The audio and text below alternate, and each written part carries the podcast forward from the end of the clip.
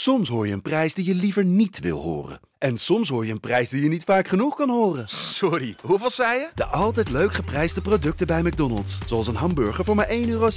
Of een chili chicken voor 1,95 euro. Galaxy AI is here. Open deze magische wereld met de nieuwe Galaxy S24-series. Omcirkel, zoek en vind het. Bijvoorbeeld die dikke sneaker op Insta. Of omcirkel een foto van een gerecht en vind meteen het recept. Op zoek naar wat liefde over de grens? Met ChatAssist als tolk is jouw liefde grenzeloos. Maak vlijmscherpe foto's en bewerk ze als een pro. Met Photo Assist verwijder je al het ongewenst uit je foto, zoals lelijke reflecties of je ex. Bestel de Galaxy S24-series nu op samsung.com. We hebben straks eh, zomervakantie. Dat is duidelijk. Tuur, ik heb eh, hele andere interesses dan veel jongens eh, uit ons team. Hij functioneerde niet op de manier zoals ik dat wil. Ik ben, ik ben geïntrigeerd. Hij, hij mist daar een heleboel in. Daar zou hij heel veel in kunnen verbeteren. Maar ja, Nou, het is wachten totdat eh Lars Veldwijk de lucht van krijgt. hij, eh, hij roept maar te pas en te onpas allerlei dingen. Azza. Ik denk daar niet aan.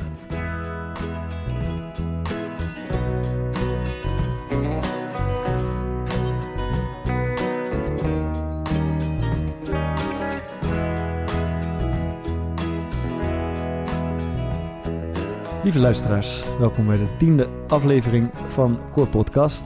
ehm, waarin we het vandaag gaan hebben over verschillende dingen. Eén daarvan is eh, voetbalverlaters, jongens die terwijl hun carrière nog bezig is, voortijdig eh, de kiksen aan de wil gehangen. Eh, en wat we daarvan vinden. De Barkie van de week is terug.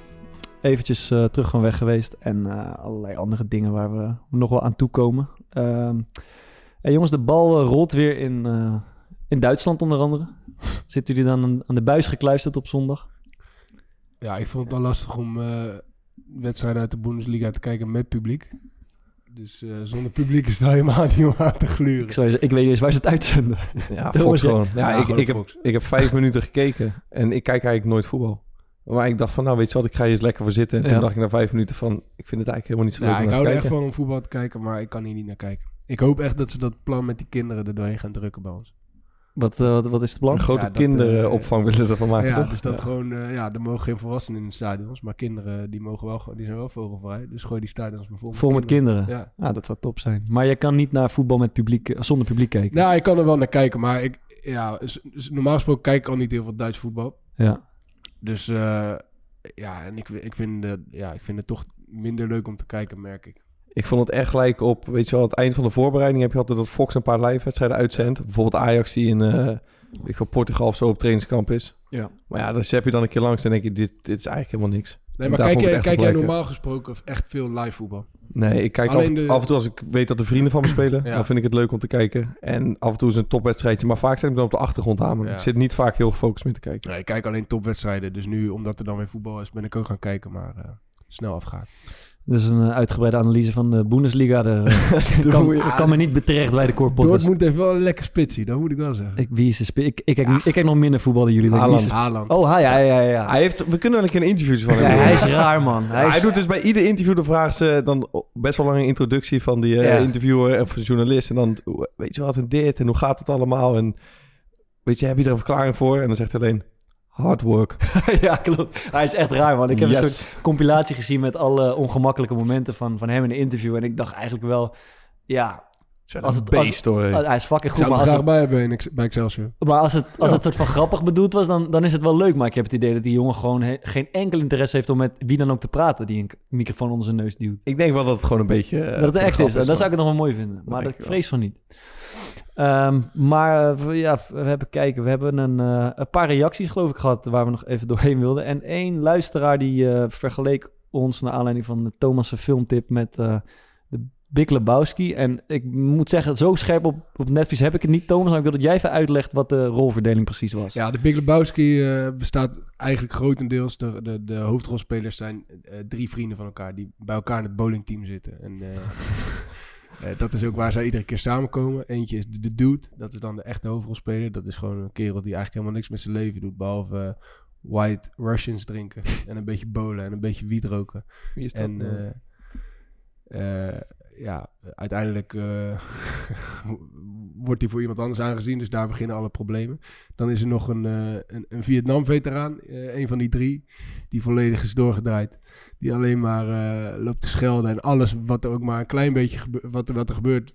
Vergelijkt hij met eh, wat er in Vietnam is gebeurd. En, eh, en hoe erg het wel niet was. En, en je hebt dan nog, ja, nog een derde. Dat is Donny. Eh, ja, dat is een beetje het lulletje van het groep. Die wordt ook de hele tijd afge, afgeblaft. Zal ik wel wezen eh, dan? ja, dat was, dat was jij. Ja. Eh, Bart was de Vietnam-veteraan. eh, Walter Stopcheck. Ja. En, eh, Jij de Joost. En ik was de, ik was de dude. Jij was de, de, de, de dude. Ja, ja. En deze, als ik het goed zag, kwam deze, eh, eh, kwam deze vergelijking van eh, een twitteraar die luistert naar de naam. Bart Vriends. Bart Vriends, ja, mooi hè. ja, dat is... eh, Mooi hè. ja, ja. willekeurige Bart Ja, Vriends. dat is mooi. Weet, je, waar- weet je waar die naam vandaan komt? Hij heet, dus, hij heet Bart Vriends met, eh, zonder D. En bij mij zit er wel een D in. En ik weet dat hij eh, in een andere podcast, ik geloof dat het Neutrale Kijkers was, had hij, reageerde hij wel eens op die podcast, zeg maar. En toen gingen die gasten erover praten en zeiden, ja, we, kregen weer, we hebben weer een reactie van Bart Vriends. Dat zei, ze, Bart, is dat die Bart Vriends, die Bart Vriends van Sparta? En, zei, en dan zeiden die andere gasten, nee, gewoon een willekeurige Bart Vriend. En sindsdien, Ah, vandaar, daar is en dat sindsdien van. heeft hij dus in zijn, in zijn Twitter-bio gezegd, een willekeurige Bart Vriends. Ah, vind ik mooi. Ja, maar eh, de B- Big Lebowski is dus... uh, Ja, Fokkert kwam het minst eh Hij goed kwam er vanaf. slecht van. Wat, wat, zeiden ze, wat, wat werd er gezegd Donnie over overleeft de film ook niet. Kleine spoiler. Ja, mooi. Ja, ja, dat, ja, dat is misschien wel de grootste spoiler. Maar het mooiste moment van de film is dan wel dat die, die Walter, dus de- die gaat dan uiteindelijk de, de as van Donnie uitstrooien op een hele mooie plek eh, aan, de, aan de zee. En die houdt dan een hele speech helemaal over Vietnam. Waar Donnie in, in zijn leven nooit is geweest. En uiteindelijk gaat hij die as uitstrooien, maar dan met wind tegen. dus, ja, dus eh, al die as die, die komt in die haren en in die baard van die gasten. En, ze- en, ze- en ze, vinden, ja, ze vinden het te moeilijk om dan ook iets te laten blijken dat het niet goed gaat. Ja, dat, dat is echt zo'n mooi... Ah, vorige week zei je dat het onmogelijk was om deze film uit te leggen, maar ja, maar gaat dat- toch best aardig zo. Ja, Gaat klopt, steeds beter. klopt, Misschien kunnen we elke week een heel klein stukje van, eh Een van de klein film. stukje van de Maar hey, als we het over reacties hebben dan. Mhm. We hebben eh, vorige week uh, Joes even benoemd. Ja, En eh, nou, hij heeft natuurlijk weer gereageerd. Hij is de, is de, de huisrecensent de- ja. de. Maar hij was niet eh, te spreken over Thomas' reactie. Ehm, Alweer niet. alweer niet. Maar hij vond dat Thomas wat ehm, te kort door de bocht was. Mhm. Ehm, en hij zei, want hij zei, ik luister altijd de podcast twee à drie keer voordat ik dit stuk schrijf. Ja, dat is wel ziek, man. En in de zin daarna zei hij, wel leuk dat jullie kennis hebben gemaakt met Kevin. Tussen haakjes, de koning van de rotonde. jij zegt hij heet geen helemaal geen Kevin. Hij is ook niet de koning van de rotonde. Dennis de directeur. Ja, dus Joes, ik geloof niet. Hij zei de koning van de rotonde. Terwijl het- wij, ze- wij hebben stellen is- gezegd, het is Dennis, de directeur van het kruispunt. En hij zei Kevin, de koning van de rotonde. Na dat is vier keer bewust. luisteren. Nadat hij gekle- Ja, dus... Dat moet bewust zijn. gegaan. Ja, dat dacht ik ook, ja. Joes, of je neemt ons in de maling, of je hebt dit keer niet twee of drie keer geluisterd. Joes moet even bij, eh, even bij zichzelf te raden gaan, zeg jij eigenlijk op dit moment. Nee, hij houdt ons wel scherp. Ja, hij houdt ons heel Ja, scherp, maar ik geloof niet dat hij de afgelopen aflevering twee of drie keer heeft geluisterd. Ehm, Thomas, jij was eh, afgelopen week eh, geïntrigeerd door Esther Olofsson. Ja, ik, ik zat een beetje op in- Instagram te kijken en eh, kwam ik eh, ja, zo'n influencer tegen. Even te scouten. Esther, Esther Olofsson. Je zat, allemaal jij mooie zat gewoon een influencertje te scouten. Ja, allemaal Oh. mooie fotootjes in, eh, in, in Rotterdam. En? Eh, ja, Is leuk? ja eh, Klopt geweldig, niet, geweldig. eh, maar die foto's waren te perfect. Is mooi. Ja. Ja. Dus Toen bleek dat die Esther Olofsson helemaal niet bestaat. Wat is er mis met Esther Olofsson? Esther Olofsson is de eerste Nederlandse virtuele influencer. Dat is echt verschrikkelijk. Eh, be- begint er dan gelijk eh, een belletje te rinkelen als je... eh, nee, ik heb niet... eh, ik Lil niet- Michaela. Ik, zat, ik zat niet, eh, ik zat niet te scrollen, ik, las in de krant. Maar toen ben ik wel eh, op onderzoek uitgegaan. En eh, ze heeft 42.000 eh volgertjes. Mhm. Ze heeft iets meer volgertjes dan wij luisteraars hebben. Terwijl ze niet eens bestaat. Ja, het is heel ziek. En die gozer die erachter zit... Heb je wel eens, heb je wel eens South Park gekeken dat ze World of Warcraft spelen? ik niet. Dan, dan, dan- zitten ze met z'n vieren zitten ze World of Warcraft spelen... en spelen ze tegen één iemand die fucking goed is... en dat blijkt dan zo'n zo'n hele dikke, vieze man... die zo achter zijn computertje zit, weet je wel. En dat was bij Esther Olofsson eigenlijk... beetje hetzelfde idee. Want die gozer die erachter zit is een man met een baard. We hebben gewoon een heel bril. team erachter? Ja, maar hij heeft het bedacht. Ja, Ik vind dat zo ziek, joh. ja. Willem, Willem Rijgenberg uit mijn hoofd. Ja, wel, wel echt een geniaal tussen. Ja, het is, het is vrij succesvol. Hij heeft het overgenomen uit Amerika. Dan heb je Lil Michaela. Ja. Met, die heeft eh 2,1 miljoen volgers. En die heeft dus Maar dit is dus gewoon een soort eh, computerverzinsel van een, eh, van een influencer die zich voor, die- waardoor het lijkt alsof diegene gewoon normaal... Nee, ze hebben dan Ja, je ziet het wel echt gewoon dat het ja, een... ze hebben een eh, model. Dus ja. het is wel een, een vrouw of een meisje die iedere keer model staat. En daar wordt dan eh, een, een, een virtueel gezicht op gefotoshopt. Of weet, weet ik hoe ze dat En zij influenced dus. Maar ze hebben echt, ze gaan fucking ver. Want ze kwam dan uit Zweden. Eh, haar moeder was Zweeds. Eh, de vader is Israëlisch. De Mm. vader is eh, op hele vroege leeftijd heeft hij haar verlaten. Zo ziek is het verhaal. Ja, ze hebben een hele biografie eromheen Ja. gebouwd. En dat laat ze dan terugkomen. En ze is dan met een man meegekomen. Die kwam uit Nederland. Ja, en, die, is er teruggegaan naar zijn ex in Ja. Mout. ja, het is echt super ziek. Ja, En maar aan de hoe- hand, dus hij verwacht ook niet meer dat ze gelukkig ging worden in de liefde. Nee, maar stel nou, je bent een influencer. Je bent al heel lang lekker hard bezig. eh, en je hebt 30 30.000 volgertjes. En je wordt in één keer... eh, Outplayed door eh, Esther Olofsson. ja, ja, is kut. Ja, ik vind het gewoon raar, man. Dit, ik snap dit echt niet, waarom je dit doet. Ja. Nou, ze wachten totdat eh Lars Veldwijk de lucht van krijgt. Wat dan? Nou ja, de ideale vriendin toch? Eh, Geen gezeik, geen kinderen, Wel influencer. maar wel een influencer. ah, dat is mooi. Ja, dat is mooi. Ehm, Ja, maar ik zat bijvoorbeeld een ja. tijdje geleden te luisteren naar eh, Elon, Elon Musk. Ja. Die was bij Joe Rogan en daar ging het over artificial intelligence. En die had echt wel...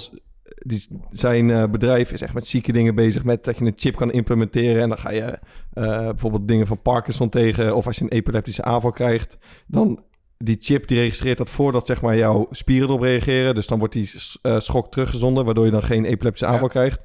En dan denk ik van... Hey, het is echt vet dat we met zulke technologische dingen bezig zijn. En dat dat weet je, zo'n, toch zo'n vaart neemt. En dan zie je nu zo'n verhaal van een virtuele influencer. Die dan al van die meisjes die het hartstikke lastig hebben, ook nog even de baan afpakt. ik, weet, ik weet het niet, man. Ja, ik vind het mooi man. Ik blijf het echt volgen. Ik, eh, Ben je gaan volgen ook? echt? Ja, ik ben zeker gaan volgen. Ja, ja ik, ik, ik, ben, eh, ik ben geïntrigeerd. Wat vind jij ervan, Bart? Dat ik, ik weet niet. Ja, ik, eh, ik heb nog geen kijkje op de Instagram genomen. Maar eh, als jij zegt dat het de moeite waard is, dan. eh, Nee, het is absoluut niet de moeite waard. Want het zijn gewoon foto's bij, eh, op de binnenweg en Ja. eh, bij de Erasmusbrug eh, met, met een broodje in de hand. Ze had zelfs een foto met een ander meisje die dan gewoon wel een echte influencer is. Dat ze samen waren gaan Ah. wandelen met, eh, in het Kralingse bos met, met haar hond. Ja, ik weet het niet, man. Je kan er Ik met je hoofd niet het zo bij. bizar. Mooi. Ehm, Laten we doorgaan. ja, laten we doorgaan. Even kijken of we nog. eh, nou, Even tussendoor. Ja, zeg het. Worden jullie helemaal ziek ook van Jort Kelder? Wat is er met Jort Kelder? Ik kom overal, zie ik Jort Kelder als een soort van... ehm met de Nederlandse vlag op zijn achtergrond. Oh, nee, ik hou echt van Jort. Kelder, man. Oh, van Nee, die, ik, van die ik, ja, ik heb niks tegen Jort Kelder, maar ik zie gewoon overal Jort Kelder als een soort van legere aanvoerder in een Soetsupply pak staan.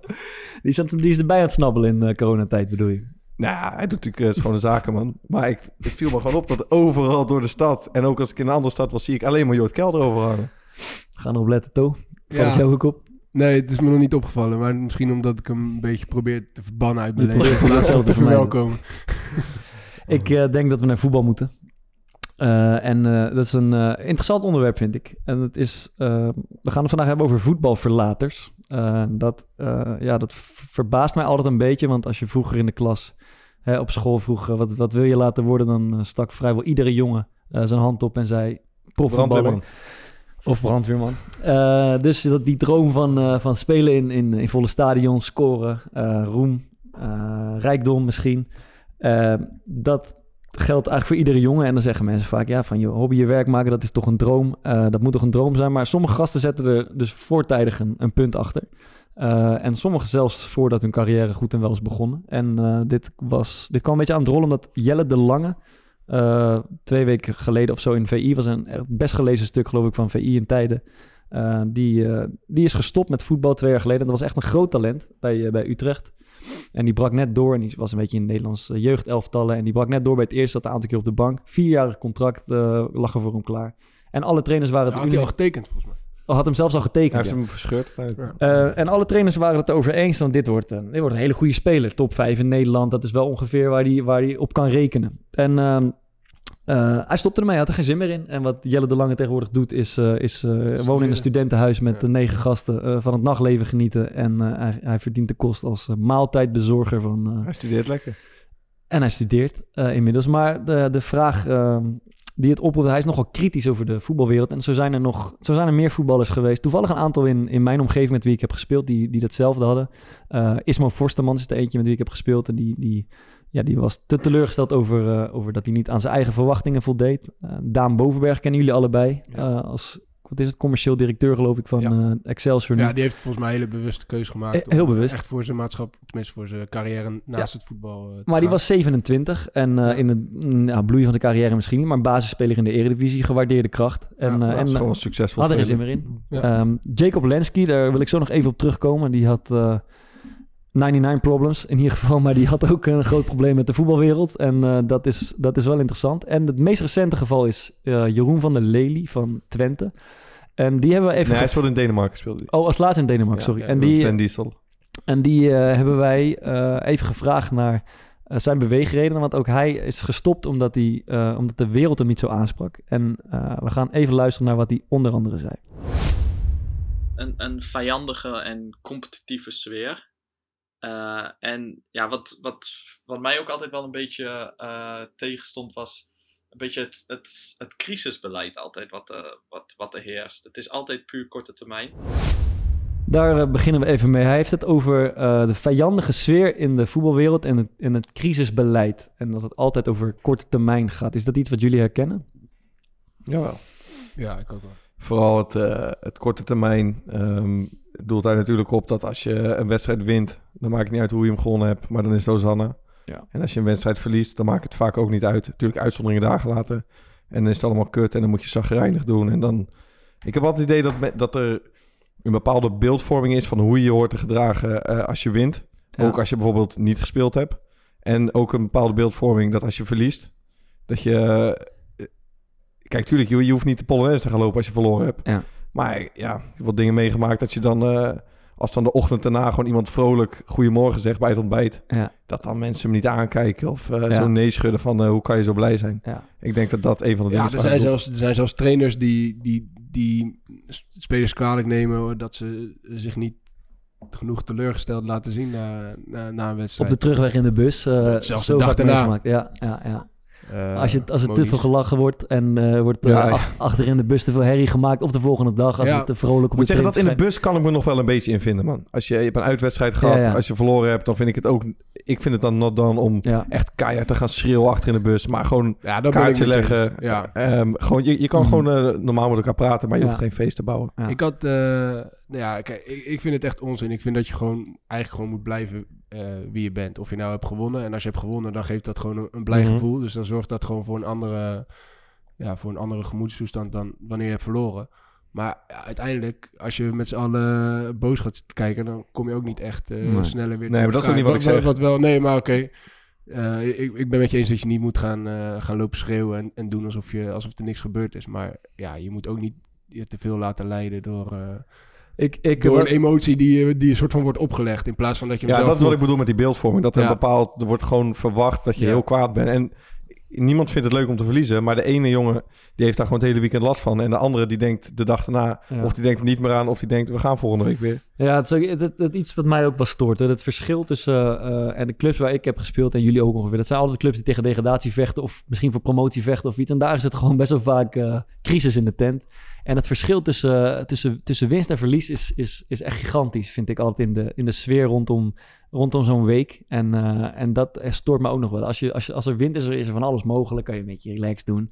Eh, er wordt heel veel getolereerd. En, en als je verliest, dan eh, zeker een aantal keer op rij, dan slaat de stemming vreselijk om. En dan Ja. is alles weer zo, zo, zo strak mogelijk in het regime. Eh, en, en, en dienen we ons wel eh, teleurgesteld te gedragen. Of in ieder geval goed op te stellen om, eh, om de wedstrijd daarna te winnen. Maar hoe denk je dat het komt? Waar denk je dat het vandaan eh, Ik denk gewoon een verwachtingspatroon. Gewoon iets wat, wat... Ja, van trainers misschien. Maar dat is gewoon... Dat is typisch zo'n ding. Iets, zo gaat het altijd. mhm. Dus... Weet je, laten we dat maar zo blijven doen. Ja. Maar je kan toch ook verder kijken dan dat? Ja, dat, dat kan 100%. Waar, waar- ja, Maar- waar, waar komt zoiets vandaan? Waarom, wa- waar, waar zou het toe dienen dat je dat je, je teleurgesteld moet, zou moeten gedragen op, op zo'n moment? Of, ja, Is geen ang- angst vanuit, eh, vanuit, vanuit bijvoorbeeld een, eh, een trainer dat, dat, eh, dat er een angst bestaat dat spelers het te licht opnemen en, en waardoor ja, ik denk, de ik denk dat een crisis gedeelte, vergroot wordt? Een groot gedeelte van het antwoord zit denk ik gewoon ook in wat hij zegt. Dat het te optimistisch is en dat Ja. het te vijandig is. Dus Ja. dat betekent dat je niet altijd kan vertrouwen op eh iedereen's eh, eh, goede intenties voor, Ja. voor het team. Mhm. En daarnaast eh, eh, is het ook nog eens optimistisch. Dus als je hebt gespeeld bijvoorbeeld, dan is ook de, kans groot dat je, dat je eruit vliegt eh, de week daarop. De-. En daarnaast denk ik ook dat trainers niet heel vaak, en nou, ik heb dat niet vaak meegemaakt, eh, van tevoren al communiceren met, met hun eigen ploeg van wat vinden wij nou goed en wat vinden wij nou slecht. En de meeste trainers die reageren meer zo van als we hebben gewonnen is het goed. Mhm. En als we eh, geen resultaat hebben gehaald, dan is het slecht. En, en echt een, ja, een middenweg is daarin niet. Terwijl je gewoon prima een goede wedstrijd kan spelen. En een wedstrijd kan verliezen. Eh, al- alleen daar wordt, ja, daar wordt vrijwel nooit tegen, naar gekeken. Behalve als je bijvoorbeeld tegen een ploeg speelt die veel beter is dan Mhm. jij. En je hebt goed gespeeld, dan kan je Mhm. nog een soort van... Daar ze nog een soort van vertrouwen eruit. Maar je, ik denk dat je van tevoren moet bepalen... wat vinden wij met z'n allen nou goed... en wat vinden wij met z'n allen slecht. En als je echt eh, ja, eh, hebt ondergepresteerd, zeg maar, Mhm. op, op basis van dat idee, ja, dan, dan ben je denk ik ook oprecht teleurgesteld.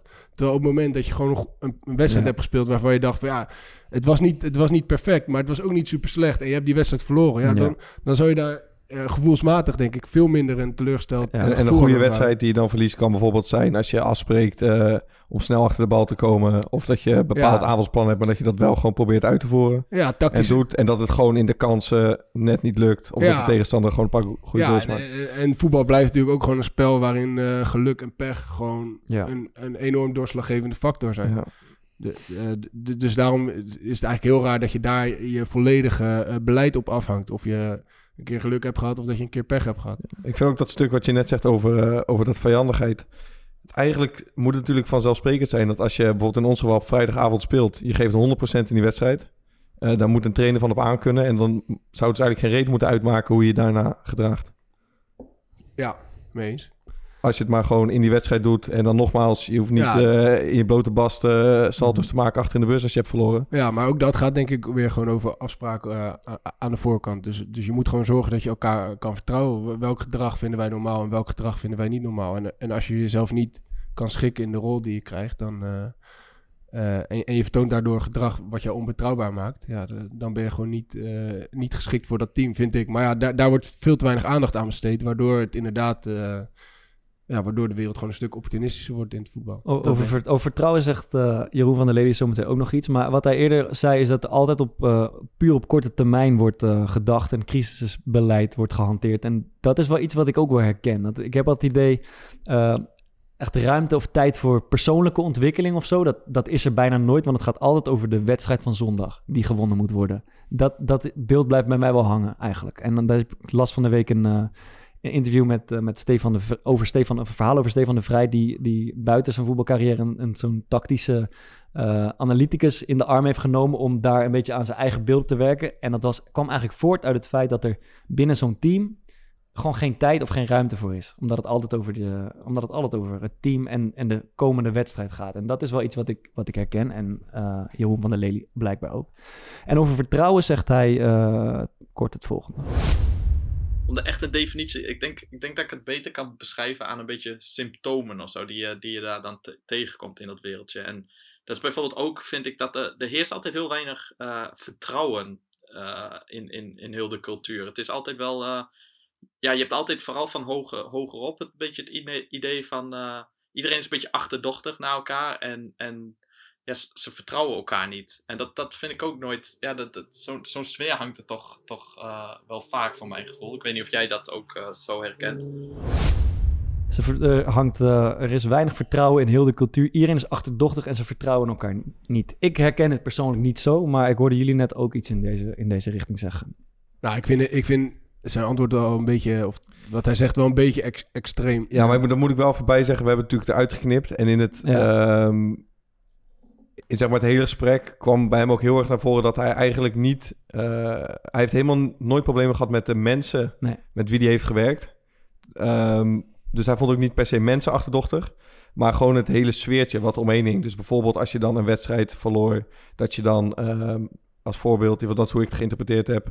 eh, als je dan niet genoeg baalt en een assistent-trainer ziet dat... gaat hij naar de trainer lopen. Mm, dat, dat is meer... ehm, Ja. Ja, nee, ik ben, ik ben het wel, ik ben het wel, eh, eh, wel met hem eens hoor. Want ik, vind ook dat het te veel op basis van eh, dingen die je niet heel makkelijk kan vatten, worden wel echt belangrijke beslissingen genomen. Bijvoorbeeld hoe je hoe je dan blijkbaar gedraagt nadat je een wedstrijd hebt verloren. Ik bedoel, ik, ik weet van mezelf bijvoorbeeld dat ik, dat ik dat ik prima gewoon gezellig een biertje kan drinken nadat ik een wedstrijd heb verloren. En dat kan door iemand weer best wel geïnterpreteerd, geïnterpreteerd worden dat het me geen reet interesseert of ik Ja. win of verlies. Maar dat is eigenlijk helemaal niet zo. Dat is gewoon mijn manier van, eh, Mhm. eh, van hoe ik ben. Dus dan is het aan een coach om dat op de juiste manier eh, in te schatten. En dat ik, ik ben, ik denk op het moment dat een coach daar niet toe in staat is, dan krijg je inderdaad zo'n wereldje waarin, ja, waarin je gewoon Maar je moet net, dan ga je net doen alsof. Ja, ja. Ja, dat, ja, dat denk ik wel. Want, dan, want je gaat toch een beetje, ja, hoe, hoe je ook bent, je gaat je altijd wel een beetje vormen naar wat de coach van jou wil zien. Dus eh, ook als hij als hij wil dat jij heel, jezelf heel teleurgesteld eh, uit, ja, dan, eh, dan ga je dat op, op een bepaalde manier toch wel doen, denk ik. We hebben ook altijd wel een paar spelers in de groep, toch? Die dan, als ze in de buurt van de trainer zijn, net even iets harder gaan schreeuwen. Ja, ja, ja. Met, ja, Die kennen we allemaal. die kennen we allemaal. ja. Even iets zeggen en dan... Aan, aan de kant van de stiekem- als ze aan de kant van de Ja. dugout staan, helemaal bij goals uit de tegels Ja. uit de plaat gaan en wegwerpgebaren. En dat ze aan de andere kant staan, tweede helft niks. Ja, ja. Ja, hij, eh, Jeroen zegt ook iets over, eh, over eh, de cultuur van, van egoïsme, wat hem, wat hem tegenstaat. Er zijn een aantal symptomen en dit is er één van. En daar gaan we even naar luisteren. Ja, je krijgt gewoon heel veel. Iedereen zit er voor, voor zichzelf, weet je. En, en eh, ja, ik, ik ben toch soms wat meer op zoek naar dat teamgevoel. En ik weet niet of dat, dat misschien een beetje naïef is, maar dat vind je in de, in de, in de topsport niet, eh, niet heel gauw, denk ik. Want ja, iedereen zit er toch. Het zijn allemaal egootjes wat dat betreft. Waaronder ik ook hoor. Je hebt wel een paar lekkere punchlines eruit gepakt, eh Bart. Nee, ik heb, ik heb eh, het ges- gesprek geluisterd. En dit, zijn, dit is voor hem. Hij, heeft, hij, hij, hij noemt een rijtje op van dingen die hem, eh, die hem, die hem niet aanspreken. Ja. Ehm, en, en een aantal dingen heeft hij, heeft hij gewoon een punt. Want eh, dat, dat, dat voel ik ook wel. Eh, wat dit betreft... ehm, ja, jij hebt het eigenlijk vorige keer over gehad toen we het over concurrentie hadden. Dat, eh, het is natuurlijk wel waar dat iedereen uiteindelijk een beetje voor zichzelf zit. Ehm, en dat je niet altijd met de goede bedoelingen, misschien, nou dat is misschien groot gezegd, maar dat je bijvoorbeeld voor je, voor je, voor je concurrent, eh, als jij voor hem op de bank zit, nou niet, niet per se het beste wenst. Nee, maar ik denk inderdaad dat dat is waar hij op doelt. Mhm. En ook ehm, waar hij ook op doelde, is dat je bijvoorbeeld op een training... eh, dat, dat mensen dan vaak helemaal losgaan op elkaar in het kader van willen winnen. Ja. En dat zijn dingen die hem... eh, dat is een discussie die ik met hem had. Ja, Van het competitieve. Dat dat de ene dag ligt dat je heel erg. ja, En de andere dag denk je eigenlijk van... Kom, laten we gewoon gezellig doen. Even Ja. heel simpel gezegd. ja. En Ja. dat, eh, als, hij, als hij zo vertelt, misschien romantiseer ik het beeld van, eh, van de amateurclub en het amateurploeg. Maar daar, als ik daarover denk, dan zie ik wel een soort meer een soort saamhorigheid, een vriendenteam waar we het laatst over hadden. Die gasten die in voor- en tegenspoed met elkaar van een, een biertje drinken en, eh, en het verwerken. En dat beeld zie ik in, in, de, in de betaald voetbalwereld niet echt. Maar misschien, jij, Toon, jij hebt een tijdje bij een, ama- bij een amateurvereniging Ja, gespeeld. We zullen de Als je Michael als Jordan van VOC natuurlijk. Ja, naar eigen Nee. zeggen. Maar dat, ehm, als je zegt, ja, ik ben, eh, Jeroen zegt bijvoorbeeld, ik, ben, ik was wel op zoek naar meer een teamgevoel. En daarvan denk ik, ehm, dat is misschien best wel moeilijk te creëren in het, eh, in het betaald voetbal. Behalve als het heel erg goed gaat, dan is het automatisch een Ja, vriendenploeg. Als- maar ik, als denk als de, ik, ik denk dat je eh, daarvoor gewoon heel erg duidelijk moet zorgen voor een bepaalde hiërarchie binnen het team. Dus dat, eh, eh, dat, dat er een aantal bepalende spelers zijn en, Mhm. en dat iedereen gewoon wel redelijk zich kan schikken in de rol. Op dat, Ja. Als dat gebeurt, dan in betaalde voetbal, op het moment dat dat zo was, Ja. had ik het idee dat we, dat we het meest in de buurt kwamen bij gewoon, eh, ja, wel gewoon echt een eh, goed, ja, goed functionerend team. Ja, En, en bij mijn amateurclub, ja, daar, daar had ik een geweldig team. Maar dat waren, wij waren gewoon letterlijk ook allemaal vrienden. Dus dat betekent niet dat Ja. we nooit ruzie hadden of zo. Sterker nog, mhm. we hadden, de, we hadden veel erger ruzies dan, dan die ik nu heb met, eh, met teamgenoten bij Excelsior. ja. Maar daar, daar was ook wel over de emotie na de wedstrijd gesproken. Daar was altijd één iemand die zei altijd, dat was onze materiaalman. En die zei al- altijd van ja, hartstikke, als we een wedstrijd hadden verloren, verloren niet veel. Maar want ja, ze hadden Michael Jordan van eh de amateurvoetbalwereld.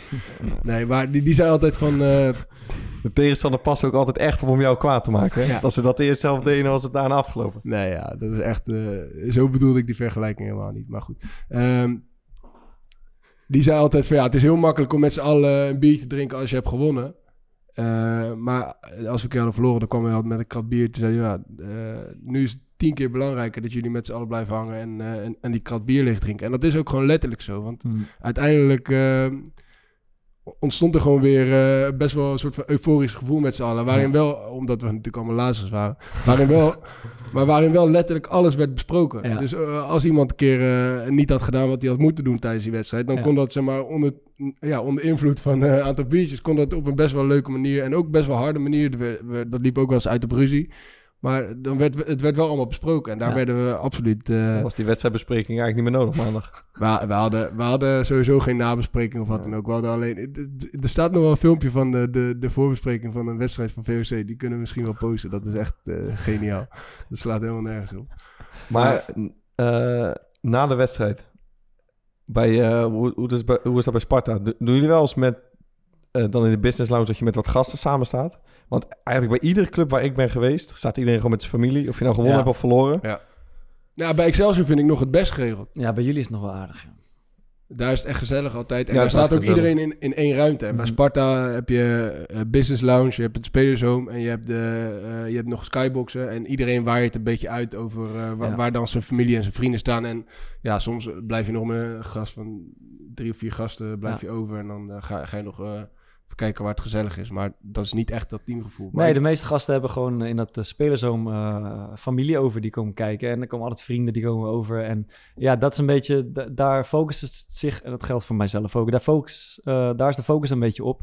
En eh, er is niet echt een soort eh Is misschien- hoekje waar alle spelers bij Ja. elkaar zitten en nog eventjes over die wedstrijd lullen of, of de stad. is misschien ook meer omdat een, een pofploeg toch vaak een wat meer misschien bij elkaar gaat zooitjes. Ja, Ja, dat is is alle kanten. En je En, je ziet elkaar heel de week al. Ja. Dat is misschien ook nog een verschil. Ja, ja, ja. Dat je, eh, ja, dat je vijf, zes keer al hebt getraind samen. Ja, goed, ik denk wel, ik denk wel op, oprecht dat het de prestaties ten goede zou komen als je, ja, als je gewoon wat meer eh, met elkaar optrekt na de wedstrijd. Gewoon een hele informele En sfeer. ik begrijp ook echt wel wat, eh, eh, ja, wat hij zegt, want ik, ja, ik kan me daar gewoon wel, eh, wel duidelijk in vinden. Hij, zegt, hij zegt nog iets, in, iets wat mij wel aanspreekt en dat, eh, dat komt nu. ja, het, het is, het is meer ook. Wat, wat ik ook wel vervelend vond, merkte ik zelf ook. Vooral toen ik eh, eh, een jaar wat minder presteerde. eh, dat dan ook mensen jou anders gaan behandelen. En dat is ook wel iets wat ik heel naar vind. Weet je, dat je. Als je, als je goed speelt, hebben mensen respect voor je. En dan voornamelijk een beetje de, de, de grote jongens in het team, om dat zo te zeggen. En ook de, de trainer en de technisch directeur. Maar als je, als je een paar wedstrijden slecht speelt, of eh, een tijdje gewoon niet, niet echt presteert, merkte ik ook wel dat er dat ze je dan ook ja, eh, eigenlijk niet meer naar je omkijken. En dat ze denken van ja, wat, wat doet deze sukkel op de training, weet je. En dat vond ik soms wel lastig in, in de zin van dat ze je als mens eh, minder gaan waarderen op het moment dat je minder presteert op het veld. Ja, dit is eh, een beetje, als je wint heb je vrienden. En eh, Jeroen heeft het misschien wat, wat stevig ervaren, maar een deel hiervan, eh, dat, dat zie ik ook wel. Ja, wat hij ook zei is dat hij... Hij heeft alleen bij Twente gespeeld en bij eh, Van Diesel dan. Ja, Eh, Van Diesel maar een halfjaartje. En hij heeft natuurlijk ook wel een periode bij Twente in het eerste gezeten... dat ze echt veel grote spelers hadden... en die daar misschien ook wat eerder eh, Ja. neiging toe hebben. ja. Hebben jullie hier ervaring mee? Nee, ik, eh, ik kan me hier niet echt in. jij kent het niet. Ja, ja, tuurlijk. eh, als- dingen goed gaan en je hebt succes in je leven, dan willen meer mensen daarbij horen. En dan, eh, en dan reageren mensen anders op je. Maar dat, heb je niet dat, dat, nou- dat merk ik wel, maar dat is niet voetbalwereld specifiek. Nee, maar heb je, als, je, als, je het, als je bijvoorbeeld een paar weken heel slecht hebt gespeeld en eh, je raakt je plek voor, dat je ook een beetje voelt dat, ehm, dat je gewoon minder gewaardeerd wordt in zo'n, in zo'n team? Nee, dat, ja, ik, heb het, ik heb het wel meegemaakt. Ik, ik had dat niet. Oké, ik, eh, ik, ik zie er wel iets van terug. En, en als je dan, eh, eh, als het heel erg goed gaat, dan gebeurt het tegenovergestelde. Dan, dan voel je dat je, nou, dat, dat, je, dat je letterlijk meer gewaardeerd wordt, dat je iets meer kan maken hier en daar. Maar als je een beetje naar de achtergrond verdwijnt, dan, dan zit er wel een verschil in hoe mensen je benaderen. En, en, en ja, dat, dat, dat herken ik Ja, eigenlijk ik ken er nog wel wat verhalen van, van Feyenoord van een aantal jaar geleden. Mhm. Dat dan jonge jongens bij het eerste aansloten. Ja, En dan sprak de trainer zeg maar nooit met ze. Wat, oké, dat is een, een wijze van benaderen. Maar Ja. als je dan ineens iemand moest gaan spelen... ja, is dat eh, armpje op de schouder van... Hey, ik heb altijd in geloofd. Weet je, je bent het mannetje, komt Ja. goed. ja. Weet je, dat, ja, dat... Ik heb dat zelf ook niet, niet, niet, niet echt gehad. Ehm, natuurlijk in de tijd als je als talent een beetje stappen maakt en zo, dan eh, is er wat meer aandacht voor je vanuit Ja, de club. voor, als ik naar de trainers kijk, dan is dat wel een beetje zo. Dan, eh, dan herken ik het wel. Want dan, Da- daar Eh, gaat het op- vooral over, ja. denk ik ook hoor. ja, maar Maar ik denk bij hem ook over spelers hoor. Maar dat is, ja, als je bijvoorbeeld bij Twente, ik weet niet precies wie hij allemaal heeft gehad, maar ik kan Mm. me voorstellen als je met een, met een Tadic en zo, dat hij misschien als je basisspeler bent, Ja. jou wel aandacht geeft. En als Ja. je op een gegeven moment weer bij de belofte speelt, dat hij denkt Ja. van, eh, bekijk het even.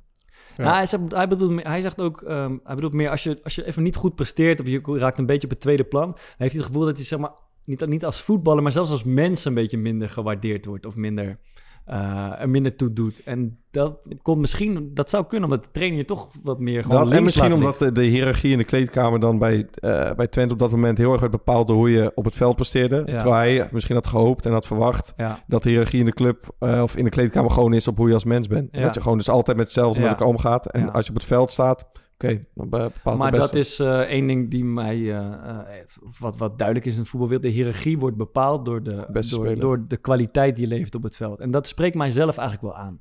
Maar is kijk, ik kan het niet helemaal goed beoordelen, maar dit is toch, dit wordt nu een soort van aangemeten alsof het specifiek voor de voetbalwereld geldt. Maar Ja. ja, mijn vriendin die werkt in het bedrijfsleven en eh, daar, daarvan weet ik ook. Ik heb ook vrienden die eh, bij grote bedrijven werken. Daarvan weet ik ook dat, dat niet alles eh, even goed doordacht en Ja. alles op de lange termijn eh, gebeurt. Ja. En, en- en, en dat er misschien nog wel meer dan in het voetbal echt Ja. politieke spelletjes worden gespeeld. Die gewoon echt naar buiten. Die gewoon echt zwaar achterbaks. Ja, die komen inderdaad totaal niet naar buiten. Omdat, het, omdat geen mensen naar kijkt eh, van, van buitenaf. Ja. Maar ja, ik heb juist daar het idee dat het alleen nog maar erger is. Maar En- daarmee zeggen, als, als dit voor deze voetballers de beweegreden is om te stoppen, dan gaan ze in het bedrijfsleven tegen dezelfde shit aanlopen, bedoel je? Ja, nee, als ze echt, echt voor een, eh, ja, een carrière in het, in, het, in het grote bedrijfsleven gaan, Mhm. wel ja. Nou, Dan, in Jeroens geval, die gaat, eh, hij gaat literatuurwetenschap studeren ja, in Utrecht. heb ik niet idee. Ik dat- weet niet of hij een, eh, ik denk niet dat hij een topfunctie bij Shell eh, ambieert. Nee, maar ja, dat, dan is dat ook, ook prima. En, eh, ja, we- hebben jullie zelf wel eens overwogen om te stoppen? Eh, Maarten, laten we met jou beginnen. Want Ik, ik heb niet serieus overwogen om te stoppen. Omdat ik ehm, gewoon voetbal serieus super leuk vind eh, om te doen. Eh, en ik verdien mijn geld ermee, wat eh, natuurlijk ook wel heel makkelijk is. Maar ik heb wel ja, vaak één heel specifiek ding. En dat is het maken van een wereldreis. Wat ik onwijs graag wil doen. En waarvan ik af en toe wel twijfel van... ga ik mezelf straks als ik 36 ben en misschien kinderen heb... en als ik dan stop niet ontzettend voor mijn kop slaan... dat ik dat nu niet heb gedaan. Ja. En dat zijn wel dingen waar ik mee ja, worstel, om het zo maar te zeggen af en toe. Ja. Ehm, ja, ik, ik eh, nou, stoppen, dat zou ik nu nog zeker niet doen. Maar ik, ik ben niet op het punt dat ik denk, ik ga zo lang mogelijk door eh, tot ik niet meer kan lopen. Ik heb eh, heel stellig, waardeer ik wat ik heb en ik wil er nog een soort buitenlands avontuur uithalen. En als ik dan moet terugkeren naar Nederland en ik kan nog één keer naar een vergelijkbare club waar ik nu speel. En het vervolg gaat zijn omlaag, omlaag, omlaag. En ik ga eh, op de... nou, Hij gooit even een songtekst erin. dat was de Mickey Terpstra. Je booty gaat van links, rechts, links, rechts, links, rechts, links. Je booty gaat van links, rechts, links,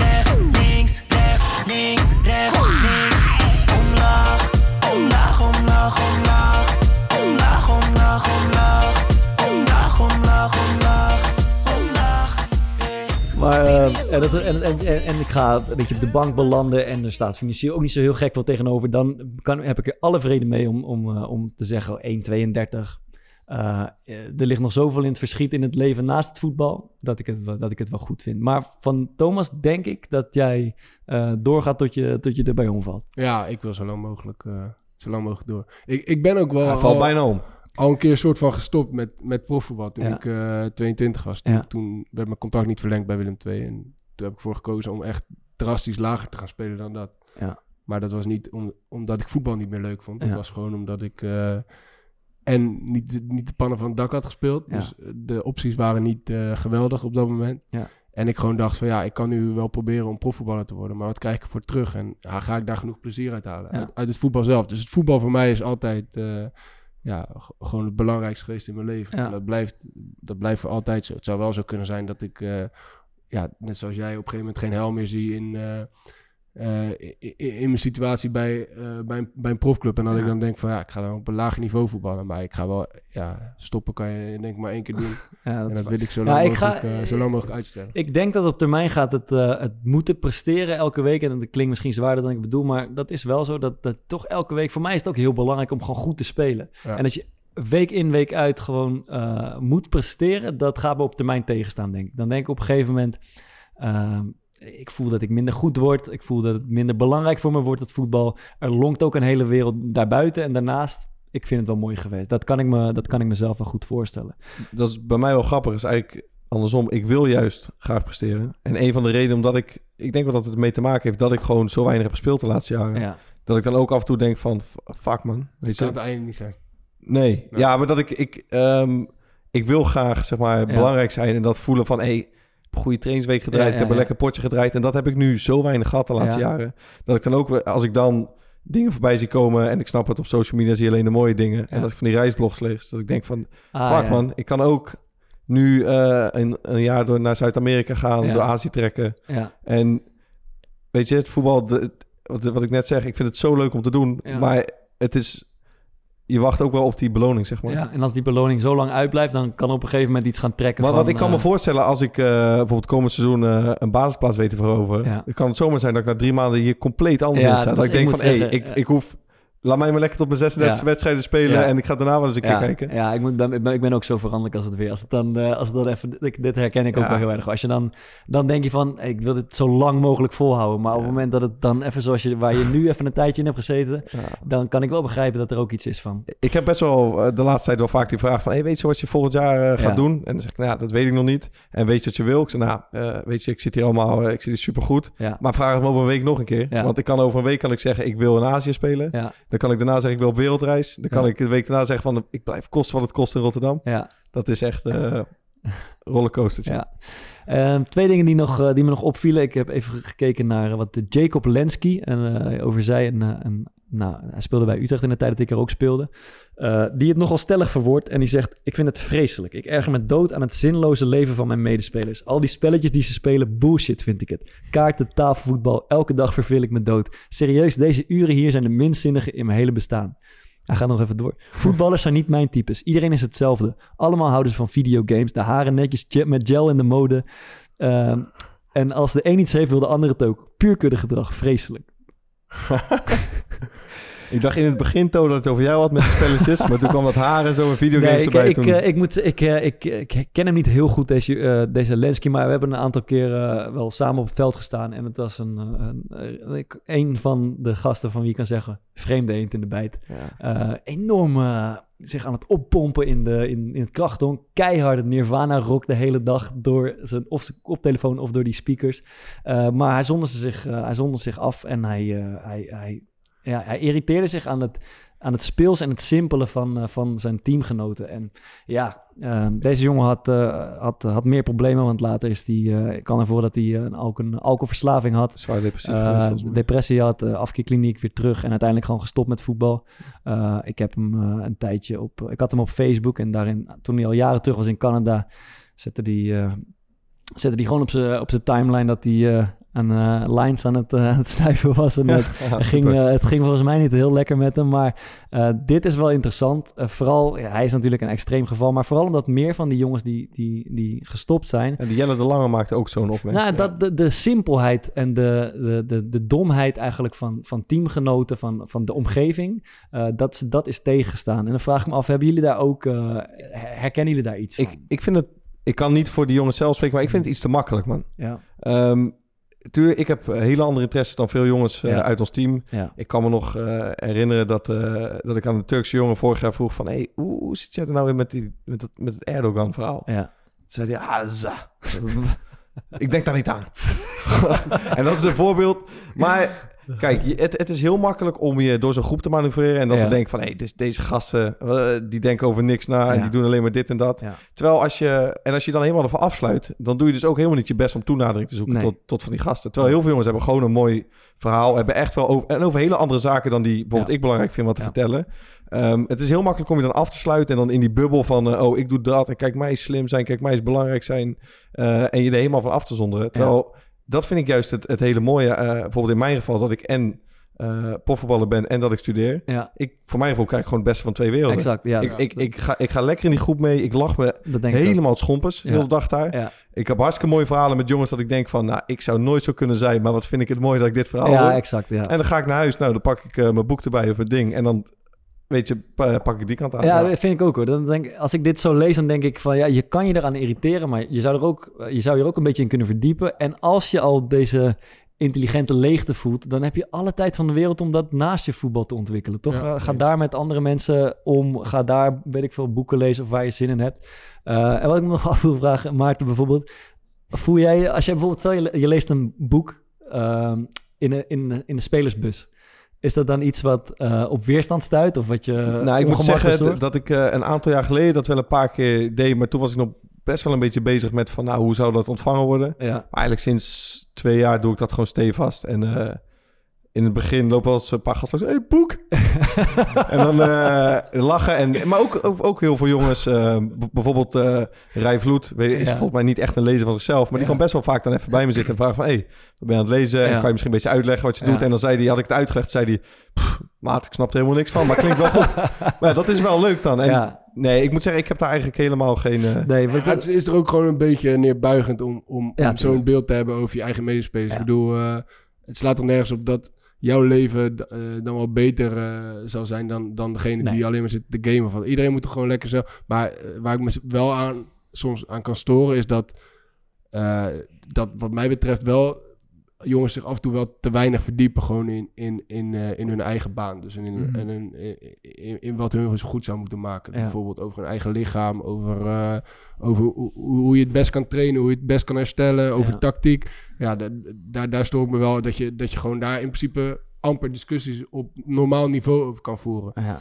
Terwijl eh, eh, ja, dat, dat toch onderdeel is van, jou, eh, eh, van jouw baan Mm. en je echt, echt verder zou kunnen helpen. Maar ja, iedereen moet. eh, ja, ik, ik, ik vind het ook juist mooi dat, ik, dat je mensen uit, uit wer- werkelijk alle, alle windstreken van de wereld tegenkomt.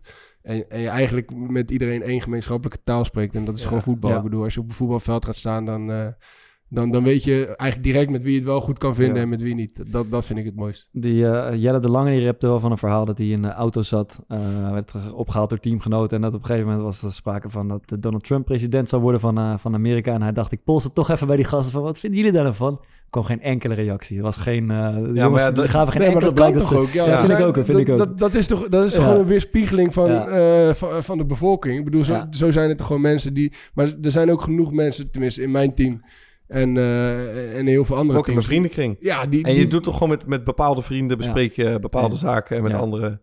Dat Ja. deed me wel aan. Ja, ik moest aan een verhaal denken en het heeft eigenlijk niet eens zo heel veel te maken met ehm, of dan iemand zich in zaken verdiept. Ja. Maar wij speelden met Excelsior eh vorig jaar uit bij Jong NAC. Ja. Heerlijk potje, maandagavond. en eh, hadden wij het fenomeen Jinty Kanepil. Echt een topgozer. Ja, Maar Jinty was ook zo'n jongen dat je... ja, die speelde veel videogames. Eh, die is nog wel eens eh, betrapt op wat dingetjes wat eh, niet helemaal legaal was. Ja. Maar dat is ook echt, echt zo'n slaapkop... waarvan je dan soms gaat afvragen van... Jint, wat, wat doe jij nou in hemelsnaam? ja. Maar die had dus... de een jongen uit de, uit de A met ons mee. Ja. En die pakte na een kwartier zijn tweede gele kaart. En ehm, ja, het is natuurlijk niet lekker dat je jong Nee. nak uitspeelt op maandagavond. Dan moet je 75 minuten met z'n tienen. Dus in de rust, nou, wij schade een beetje beperkt gehouden. We komen in de rust binnen. Dus André Hoekstra, is, eh, onze assistent-trainer, eh, die zegt van... eh, nou, oké wel jongens, ja, je komt na een kwartier met z'n tienen. Hoor je zo uit de hoek, ah shit, daarom moet ik zoveel lopen.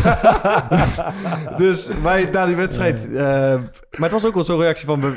Hoe kan hij dat niet weten? Nee, Ja. maar ook van, ah, oké, het is Jinty. Het is maar wij daar naar die beelden kijken. Dus op het moment dat Jaap heet, de jongen die tackle maakt, draait Jinty zich om. En het moment dat hij gewoon weer denkt van, weet je wat, ik ga weer eens naar de situatie kijken, is Jaap gewoon helemaal naar binnen gelopen en gaan ze die vrije trap nemen. dus hij dat hele moment gemist. ja, dat is, ja, ik wil niet zeggen dat het eh, typerend is, maar ik moest gewoon aan Jinty denken. Jinty, als je luistert, koop het ook de groetjes. Shout-out, mocht ik niet meer doen van Michel. eh, wat Ik had, eh, ik vond het mooi. Ik had na al dit, ik zat heel veel over te lezen vanmiddag en na al dit pessimisme had ik heel even behoefte aan een tegengeluid. En dat is toch een verhaal wat mij net iets meer aanspreekt dan het pessimistische. En ik ga even quoten. En misschien kunnen jullie ook raden van wie deze quote is. Het is een oud voetballer. Ryan Babel. Ik heb voetbal altijd gezien als een uiterst prettige invulling van het leven. Is toch mooi man, voetballer zijn. Lekker in de ochtend trainen, uitsmijtertje eten met de jongens, kaarten, biljartje leggen. Er zijn gewoon veel meer voordelen dan nadelen aan het vak. Je bent fit, je komt wel eens ergens, je bent met jongens onder elkaar. Je kunt tenminste een beetje lachen, nee, niks mis mee. Alleen al het feit dat je in de kroeg als voetballer zo ontzettend makkelijk aan meisjes kunt komen. Lekker toch? Puur omdat je toevallig in het weekend op van die zwarte Adidasjes loopt. René van der Gijp. ja, dat Bij eh, uit- bij uitsmijter ja, direct het, eh, ja. dus ook dit is natuurlijk een beetje gechargeerd, maar in de kern is dat eigenlijk ook wel hoe ik erin sta. Gewoon, je bent met gasten onder elkaar. Ik je- als je op zo'n... ik moet zeggen, ik heb wel eens zo'n grapje gemaakt. Als wij uitspelen, dan gaan we in zo'n hotel zitten. En dan hebben we zo 's middags zo'n bespreking. En dan zit ik wel eens... Ik had wel eens met Roy Kortsmit, daar is hij weer over. Dan zaten we zo te kijken naar zo'n, naar zo'n ruimte... waar dan op vrijdagmiddag of zo... Er zat er zo'n, zo'n zaal waar dan allemaal mensen van kantoor... die kwamen dan samen, die waren dan het bolletje aan het drinken. En dan tikte Roy en ik elkaar altijd aan en zeiden... ja, dat is toch echt mijn droom. Lekker zo vrijdagmiddag zo'n bolletje pakken na het werk en zo. En dan ging ik dan echt volledig in mee van... nou, lijkt me heerlijk, man. Lekker met, eh, met je collega's zo. Maar ja, als je er echt over nadenkt, dan is Dit voetbal natuurlijk tien ja. keer mooier. Maar dat is natuurlijk ook gewoon, dat is bijna een beetje een, eh, echt een dingetje onderling, toch? Dat je dan andere bedrijfstakken helemaal gaat dat dat- idealiseren. ja, ja. En ook misschien dat je dit... Dit is al wat je honderd jaar doet. En, en dan, dan zie je opeens zo in zo'n... Je weet toch, je moet, die avond moet je een wedstrijd eh, gaan, gaan spelen. En eh, misschien weer zo'n degradatieduel. En dan zie je in dat hotel zie je allerlei mensen met eh, kantoorpakjes aan. Heel gezellig een borreltje drinken. Dat denk Ja, je, van, maar- Ja, zou ik zo'n ook- vrijdagmiddag, zou ik- zo'n vrijdagmiddagborrel, Ja. dat, dat, Zou ik ook wel lekker Ja, dat, dat- Maar, lijkt deze geluiden hoor je op één dag met afstand het meest. Dat is natuurlijk op maandag als Ja. oude jongens met de beloftes mee moeten. Ja, maar, maar, weet je, maar weet je wat ik, eh, wat, ik- waar, waar ik me ook wel eens aan stoor? Ja. Dat iedereen altijd maar vindt dat, dat alle vrije tijd of, of, of tijd die je over hebt, dat je die moet stoppen in je eigen ontwikkeling. Ah, dat je die zinnig, van. zinnig ja. Ja. wij, wij spelen zo'n zo'n 20 uur per week eh Catan. Ja. Dus- ik Dat, wil, is niet, dit- dat is niet super zinnig. Nee, dit is een goed ja, topic. ik vind, dat, eh, eh, eh, eh, mijn vriendin die zegt het ook soms wel eens. Jij kan gewoon echt gewoon soms helemaal niks doen. ik zeg ja, dat vind ik heerlijk. Ja. Ja. Ze, ja, zij zegt ja, ik moet altijd wat doen en eh, ik heb altijd lijstjes in mijn hoofd. En ja, ik kan gewoon echt gewoon mijn hoofd volledig uitschakelen Ja. en gewoon op de bank gaan liggen. En naar eh eh 24 Kitchen kijken op de dag.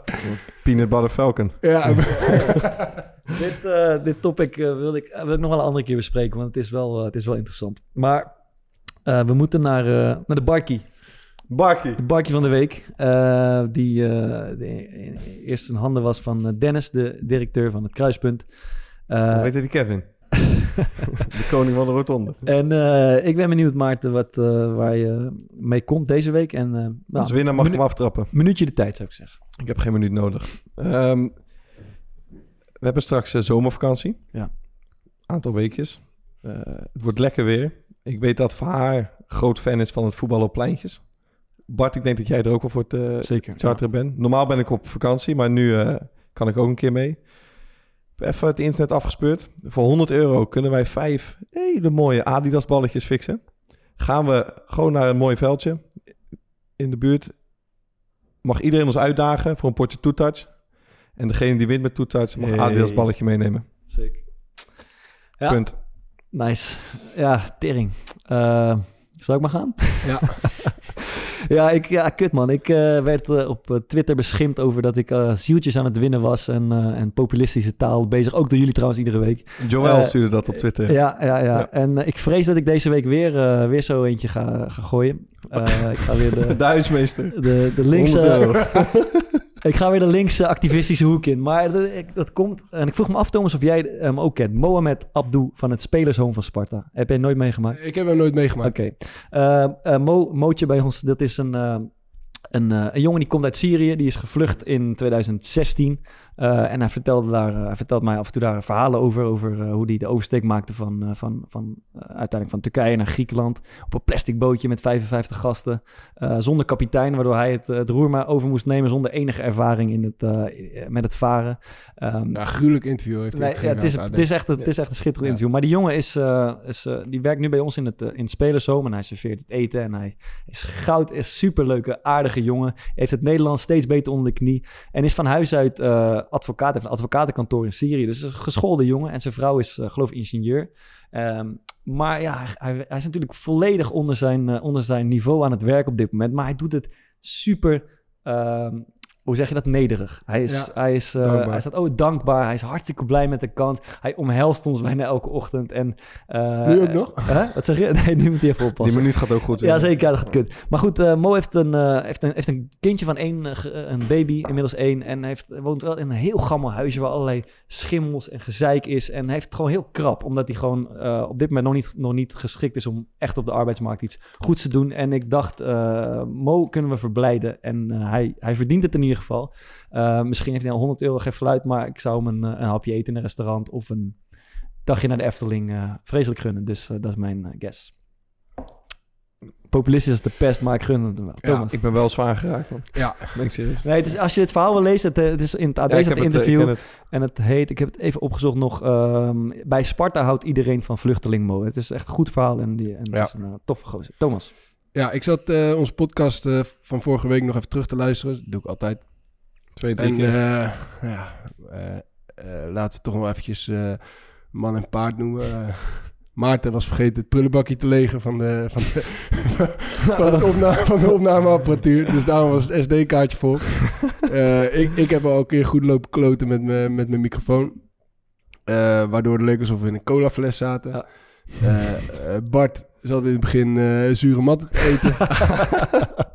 ja, we hebben het zelf al vaak gezegd, maar wij zijn gewoon echt een stel amateurs. Amateurs. Dus ik ben even internet opgegaan en eh heb op bol.com een eh, winkelwagentje samengesteld met eh, een eh, viertal boeken. How to make a podcast. How to be successful with your podcast. Eh, weet ik het allemaal. En een, eh, en een eh, maand abonnement op eh, eh, de House of, House of Training. Waar je eh, prachtig via e-learning en eh, ja, eh, kan, ja, een, eh, een cursus kan doen om, eh, om zo goed mogelijk te worden in eh, hoe je een podcast maakt. Dus eh, dat wilde ik graag. eh, Jij wil gewoon het geld aan jezelf geven. ik wil geld in eigen zak steken, ja zeker. Zelf, Zelfontplooiing van de Laten we nou in, in het kader van... eh, de- de- Ontwikkeling. De, de allergrootste eh onzinterm die ik ooit heb gehoord... is dat je eerst zelf, eh, jezelf moet redden... voordat je iemand anders kan redden. In het kader daarvan... eh, dat is natuurlijk puur onzin. Ja, laten we even opschrijven. Eh, ja, Ja, ik, we hebben eh, één pen, dus die ja, ik moeten heb we, hem, die ik heb moeten we hem. even gaan doorgeven. ja hoor, staat die. Staat die. We schrijven het even op. Die minuutslimiet is alleen maar Maarten gelukt. Daar gaan we jongens. Rie- twee, één. Ik zie één keer Bart, één keer Maarten. Twee keer Maarten, dus eh, we gaan... Ja, met eh, pijn in hart. ja, ik, ja, ik moet... Ik wil, ik wil wel even iets erbij zeggen. We Ja. hebben na de vorige keer dat we Barkje eh, van de week, eh, toen we hem geïntroduceerd hebben, Ja. hebben we best wel wat reacties gehad van mensen die eh, daar iets voor wouden sponsoren. Ja, En ehm, ik, heb, ik weet eigenlijk niet eens of ik dat tegen jullie gezegd heb. Nee. Maar ik, ik had zoiets van, nou, ik vind niet dat we dat moeten laten sponsoren. Ik vind gewoon dat we dat zelf moeten doen. Maar misschien is het idee, en misschien is het heel stom dat ik dat nu zeg, maar Maar als iemand anders een ander eh, idee ook mooi vindt... Dat, eh, dat is het idee wat niet eh, heeft gewonnen. ook goed, maar misschien gewoon speciaal in dit geval dat we voor Mo wat kunnen regelen daar voor de volgende keer. Omdat ik het wel echt serieus een goed verhaal voor jou vond en pasgeboren baby. zou top zijn. Ja. Toch? Goed. eh, interviewtje komen we misschien weer niet aan toe. Laten we die volgende week doen. Eh, maar eh, een paar mediatips zouden altijd welkom zijn. En eh, zal ik beginnen? Ja, Leuk. Ik eh, zat te denken en ik herinner me van een paar jaar geleden... zat ik op een zondagmorgen eh, NOS te kijken... en ik zag een reportage over Christijn Groeneveld. Eh zegt het jullie iets? Nee. Nee. Het is een reportage van eh, Jeroen Stekelenburg... en dat is een, eh, een schaatser die een, eh, tijdens een trainingsrondje... met onder andere Sven Kramer en allerlei andere gasten... eh, een professionele schaatser die eh, gigantisch op zijn op zijn bek is gegaan... en eh, een ruggenwervel brak, geloof ik, is en, en, en allerlei ribben brak... en sindsdien een soort... eh, sindsdien verlamd is van, Ah, vanuit dat zijn kan ik wel, man. Eh, en daar heeft, hij, heeft Jeroen Stekelenburg een reportage over gemaakt. En ik keek dat een paar jaar geleden en ik vond het toen al de meest ehm, relativerende sportreportage die ik in tijden had gezien. En eh, die jongen, je, gaat, je krijgt een beeld van, eh, van die jongen en eh, ja, hoe eigenlijk die, die droom van het schaatsen in duigen is gevallen. En er zit een hartverschut. Het is een hele leuke gozer. een hele optimistische gast. Een van de beste vrienden ook van Sven Kramer. En je ziet hem op een gegeven moment zit hij wel in een, in een rolstoel naar die, naar die, naar die wedstrijd van, van Kramer te kijken. En dat is wel een hartverscheurend, maar heel relativerend beeld van... God, hoe blij je ook moet zijn uiteindelijk met, eh, met, eh, met ja, dat je dat in ieder geval bespaard blijft. Ehm, en je, ja, dat vond ik, eh, vond ik tof en ook leuk hoe, hoe, hoe zij met elkaar omgaan uiteindelijk. En, en hoe hij ehm, eh, ja, toch met, deze, met de tegenslag omging. Dus de, document, of de serie heet eh, Vallen en Opstaan. Het is van Jeroen Stekelenburg over Christijn Groeneveld. Mooi. Ik heb een boek. Mm. Legacy. Nee. Eh, voor- ja, het, het klinkt mooier dan dat het is. Mijn boek heet Een baby ziet. En dat is een boek die ik letterlijk iedereen die een pasgeboren kindje heeft eh, wil aanraden. Eh, ik heb het gekregen van vrienden en het is een heel klein boekje. En eh, het heet Een baby ziet. En die van mij is de 0 tot 3 maanden editie. En daar staan dan allemaal soort van tekeningetjes in. Die, in de kleuren die de baby op dat moment goed kan zien. En geloof me, muisstil wordt ze van. Ja, Ja, Muisstil. En ze zitten zo aandachtig naar te kijken. Ja. Dus eh, ja, voor mij heel, heel, heel relaxed. Want dan kan ik gewoon eh, mijn serietje kijken. En eh, heb ik niet al te veel Niks omkijken doen op de naar. bank. ja ik, ik, Soms maakt ze een beetje geluid. Dan moet ik even het bladzijde omslaan. Ja, ik zag- en dan is ze weer... ik zag eh, haar gisteren eh, zitten en ze is natuurlijk nog niet bij macht om zelf het paginaatje om te Nee, slaan. Ze nee, ze- an- anderhalf uur naar rode en gele stippen te kijken. Ja, het is stom. Nee, maar de, even zonder dolle. Ik, had- ik had nog iets anders ook. Eh, ik, ik heb deze week op eh, de, de, de app van RTV Rijnmond een interview gelezen met Melvin Boel. Dat is een jeugdtrainer bij, Feyenoord. bij Feyenoord. En dat vond ik echt een prachtig interview. Het is een jongen die nu denk ik een jaar of 34 is. Zeven jaar geleden bij Feyenoord naar binnen gewandeld is als stagiair. Heeft daar de hele buitenlandse academy opgezet.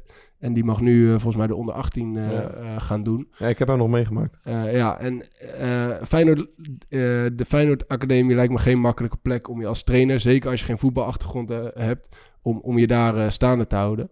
En wat ik echt mooi vond van het interview is dat hij heel duidelijk de, de old school en, de, en, en een beetje de new school van, de- van de nieuwe generatie trainers met, aan elkaar koppelt. En, en daar heel duidelijk een verbindende rol in speelt. Ze, zijn assistent is bijvoorbeeld Uli van Gobbel. Nou, die, die, die, die, die maakte hem ook een paar keer uit voor wijsneus en weet ik het wat. En eh, dat hij te veel praat. En, maar eh, ik vond het echt, eh, echt een goed interview. Ik, ken- ik, ken, die, eh, ik, ik ken Melvin Boel zelf, eh, zelf niet. Maar eh, ja, ik, eh, ik, Goeie ik, ben, gozer, ik ben fan geworden door, eh, door het interview wat hij gaf aan, eh, aan RTV Rijnmond. Leuk.